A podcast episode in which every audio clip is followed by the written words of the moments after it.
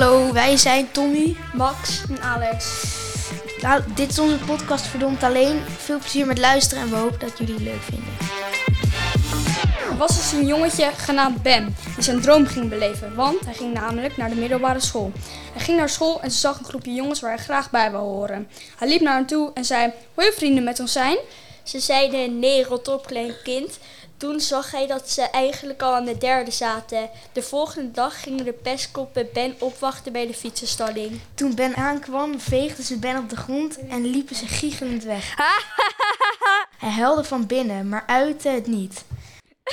Hij ging huilend terug naar huis en rende meteen naar boven en wou nooit meer terug naar school. Toen zijn ouders thuis kwamen, moest hij alles uitleggen, want hij kwam nooit huilend thuis van school. Hij schreeuwde tegen zijn ouders, ik wil nooit meer naar school. Maar zijn ouders werden boos en zeiden, je moet naar school, je krijgt van ons al een beloning.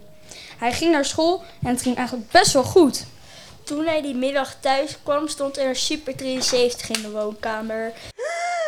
Zijn ouders zeiden, verrassing. Die dag daarna ging hij naar school en iedereen zag zijn fiets. Toen was hij de gangster van de school en iedereen, met, iedereen wil met hem vriend zijn. Dit was onze podcast. Ik hoop dat jullie het leuk vonden. Dag. Dag.